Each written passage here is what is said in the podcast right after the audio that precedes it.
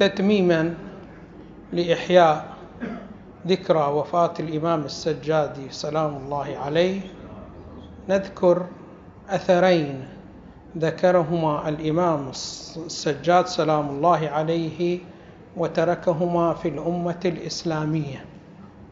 الأثر الأول هو الأدعية والأثر الثاني الروايات الواردة عنه وعلى الخصوص رواية ما يعبر عنه برسالة الحقوق.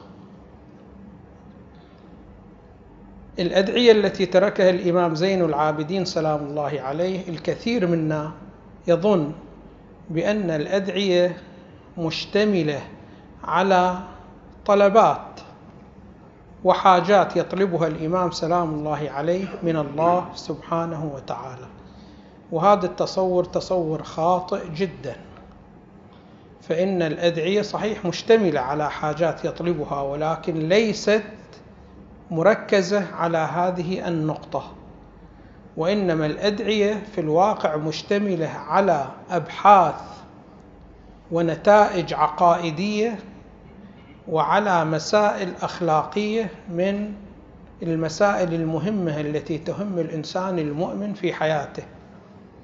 فالإمام سلام الله عليه في أدعيته كان دائما يحاول أن يلفت نظر الإنسان المؤمن إلى الجوانب العقائدية وإلى صفات الله سبحانه وتعالى التي يتصف بها وكذلك يحاول أن ينبه الإنسان إلى كثير من الأمور الأخلاقية التي يغفل عنها الإنسان. وبالتالي الإنسان المؤمن عندما يقرأ الدعاء دعاء الإمام السجاد سلام الله عليه وهكذا بقية الأئمة كلهم بهذا النحو بهذه الصورة. يعني لم يركزوا الدعاء فقط على طلب الحوائج وإنما مع طلب الحوائج هناك بيان لمعارف حقة إسلامية مرتبطة بالجانب الأخلاقي والجانب العقائدي. واساسا لاحظوا الدعاء حقيقته ما هي؟ الدعاء البعض يظن بأن الدعاء ورسالة الدعاء هي فقط طلب الحاجات من الله سبحانه وتعالى. في الواقع الدعاء مو هكذا. ولذلك نحن نلاحظ بأن النبي صلى الله عليه وآله يقول الدعاء مخ العبادة. معناه أن العبادة إذا لم تكن مشتملة على الدعاء لا مخ لها. وأنتم تعلمون بأن هذا الكائن الحي إذا لم يكن له مخ أساسا لا وجود له لا تحقق له الإنسان عندما تزيل أنت عضو المخ منه خلاص شنو ماذا ينتهي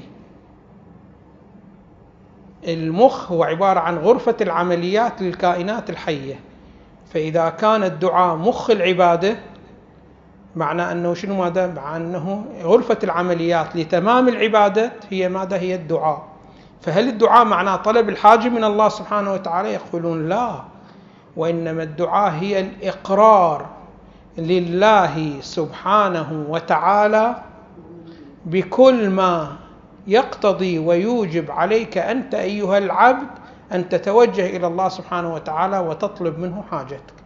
فانت عندما تتوجه إلى الله سبحانه وتعالى لماذا تتوجه إلى الله سبحانه وتعالى؟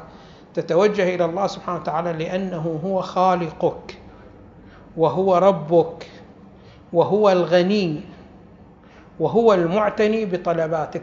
وأنت الفقير.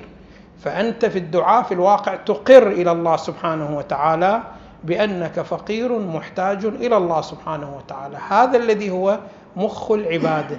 مخ العبادة ما هي؟ يقولون العبادة هي عبارة عن أن ينصب الإنسان نفسه في مقام العبودية لله سبحانه وتعالى.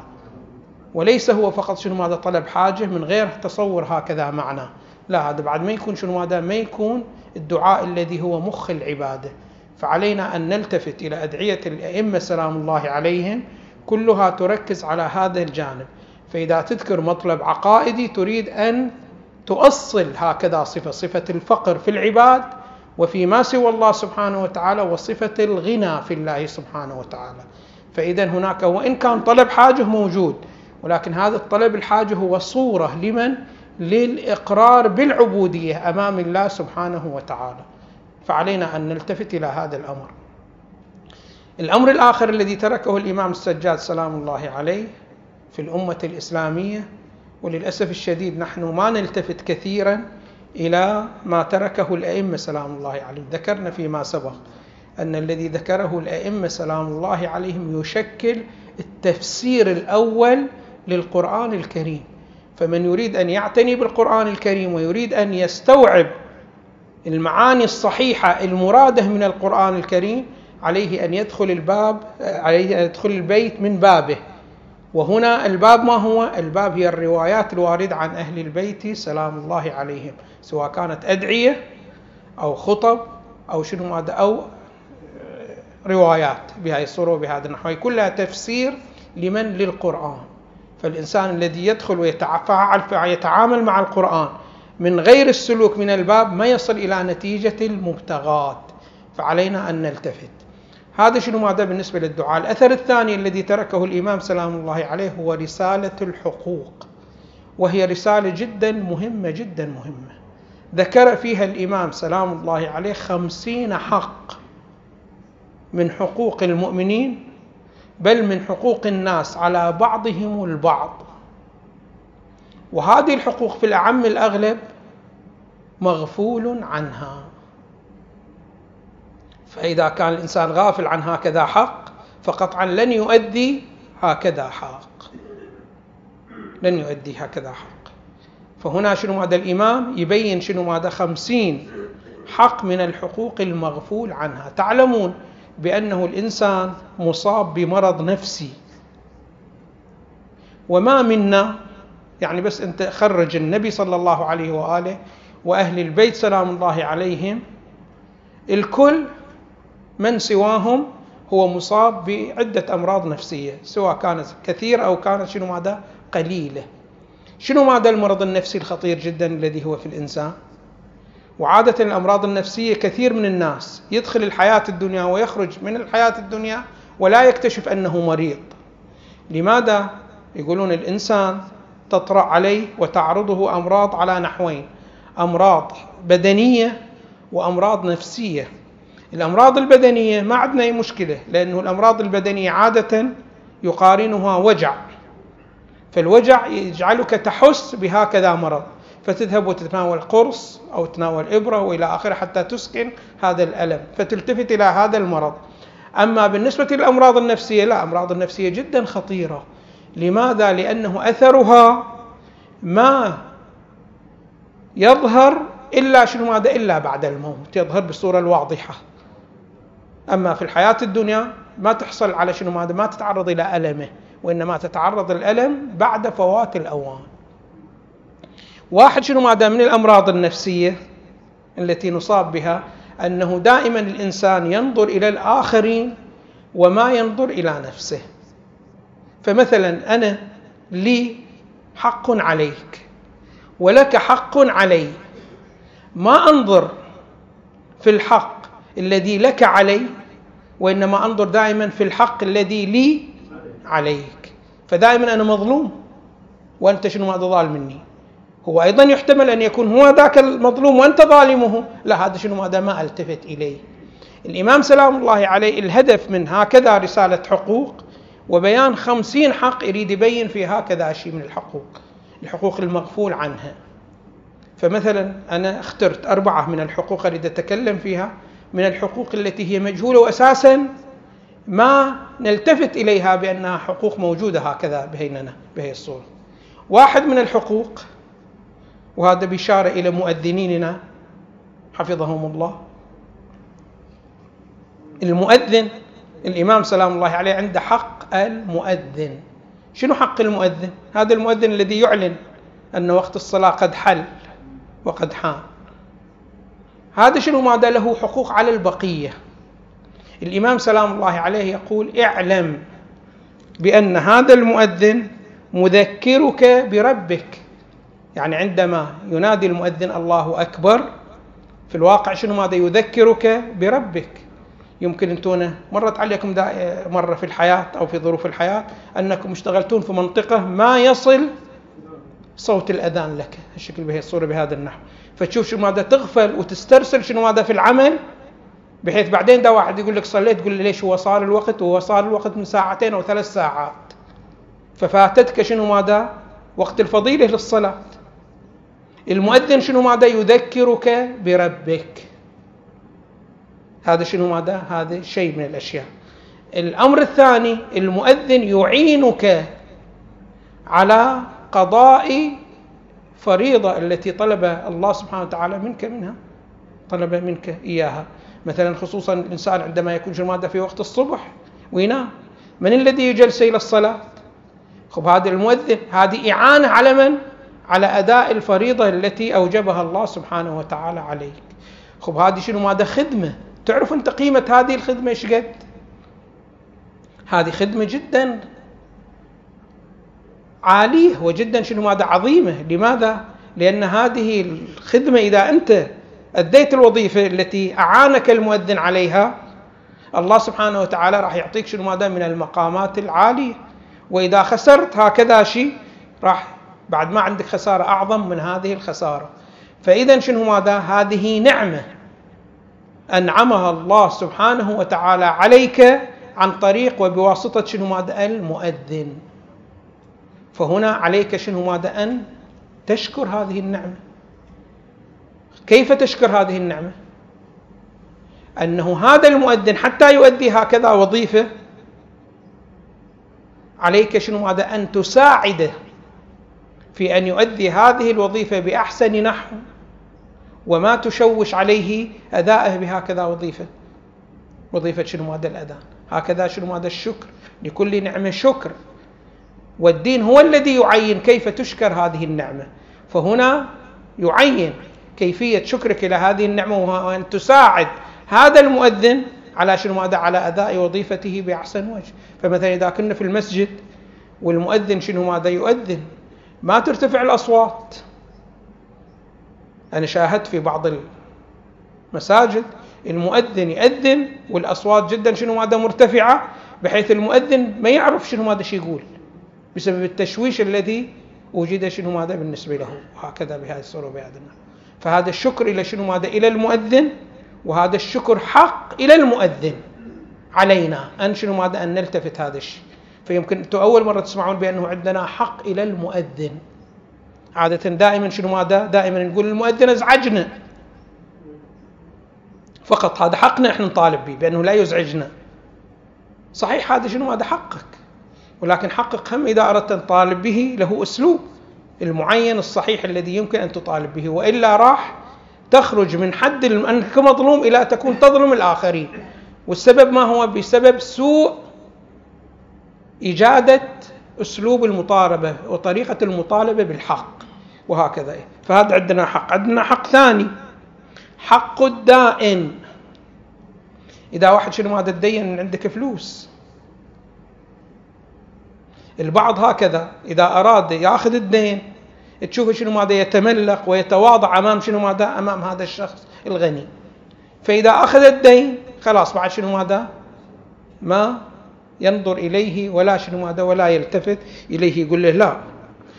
إذا أنت شنو ماذا أخذ دين فاعلم أنه شنو ماذا كما أن لك أنت حق الدائن أيضا شنو ماذا له حق عليك.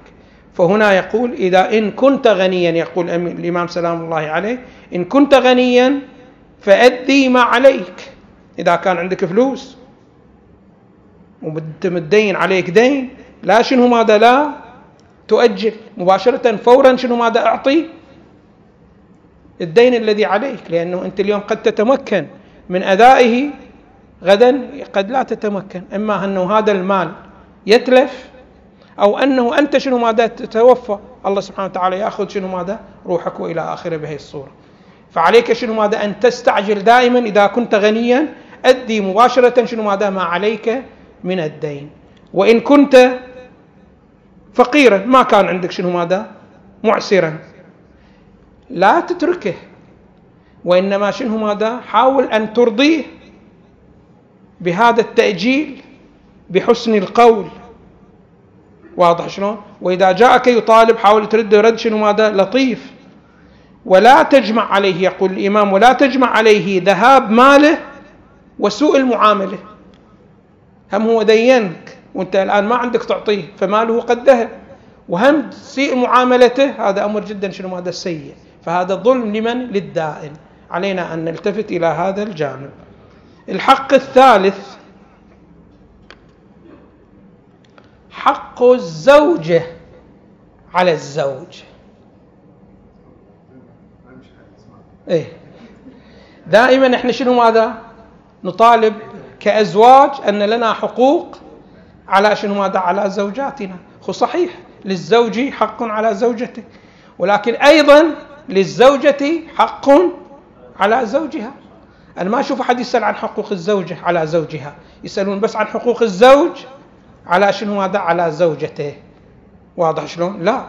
ترى كما أنه هناك أزواج مظلومون من زوجاتهم كذلك هناك زوجات مظلومات من أزواجهم.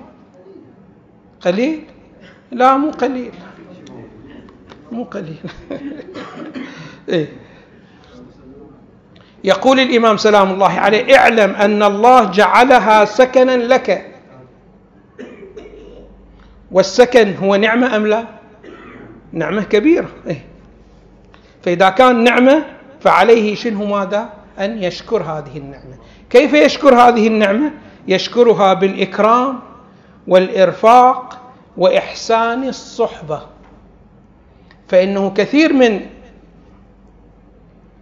الحقوق التي تتخلف الزوجة عن أدائها لزوجها إنما هو بسبب الزوج.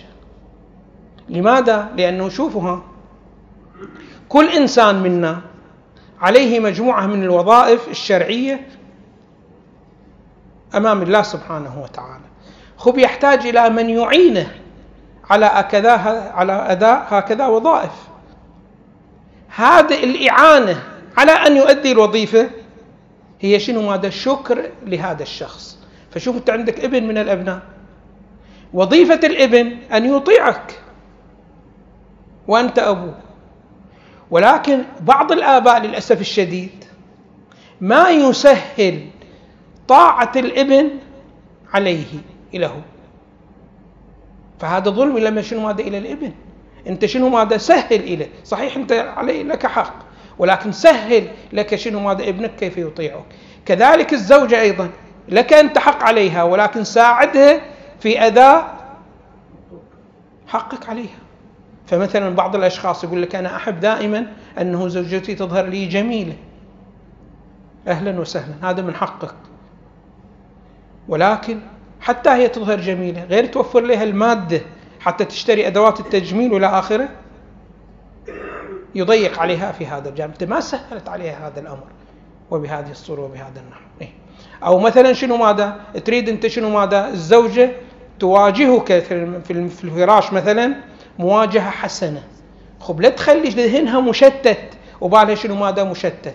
فإذا أنت منعتها عن الأمور الضرورية التي الله سبحانه وتعالى يأمرها بها. فمثلا واحد من الأمور الله سبحانه وتعالى يأمر الزوجة بأنها تصل رحمها. صلة الرحم هي واجبة سواء كان على الزوجة أو على الذكر أو على الأنثى ما يفرق. الكل عليه شنو ماذا؟ واجب هذا الأمر. فإذا أنت جئت ومنعت الزوجة من زيارة أمها. أكو بعض الحالات بهي الصورة وبهذا النحو. أو إذا بيعطيه شنو ماذا؟ فرصة عيلش بس خمس دقائق. دار تضج بالسيارة. واضح شلون؟ هذه كيف تكون معك في الفراش؟ بصورة حسنة وأنت تضيق عليها في أداء الوظائف الشرعية. فإذا هناك شنو؟ ماذا هي مسألة. دائما خلينا ننظر الطرف المقابل. ما هي الوظائف الشرعية المطلوب عليه؟ ونحاول أن نعينه على الإتيان بهكذا وظائف. وعلى أي حال الموضوع يحتاج إلى كلام كثير ولكن باعتبار الجلسة قصيرة. الحق الرابع اللي في أكثر من شنو ماذا؟ نغفل عنه. شنو هذا الحق؟ حق الحاكم على المحكوم. الآن في المجتمعات دائما في الدول واضح شلون؟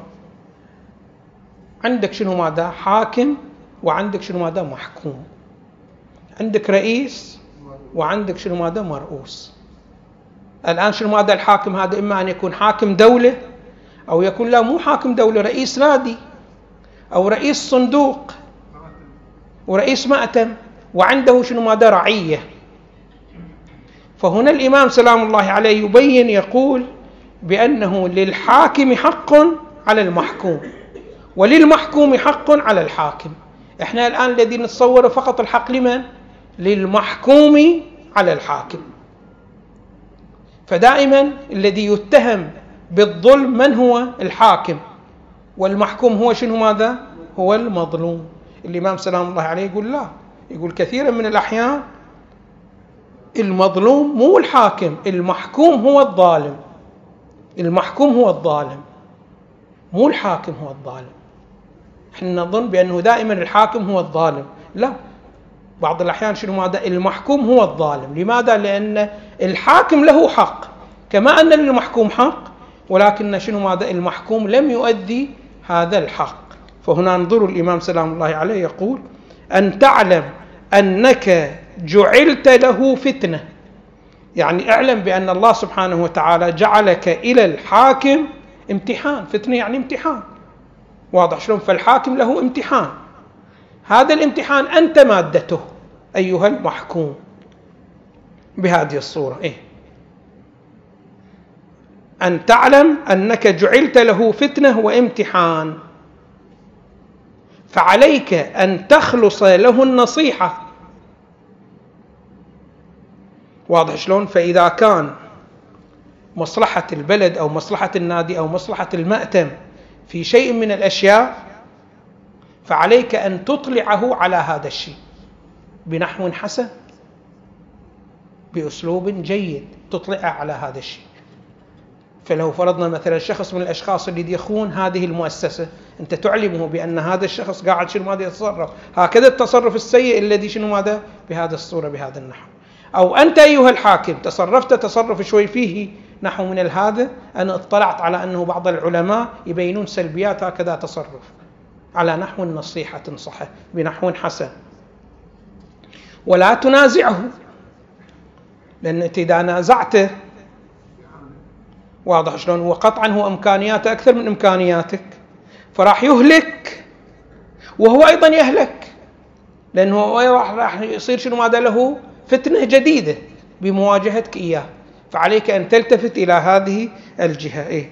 وعليك أن تتواضع له وتتلطف لتنال رضاه من دون تقصير في الدين. فأنت عينك على شنو ماذا؟ على نجاح طلبك طلبك من الحاكم وعين الثاني على شنو ماذا؟ على دينك. لا يصير شنو ماذا؟ تحر انحراف وتقصير شنو ماذا؟ في ناحية الدين.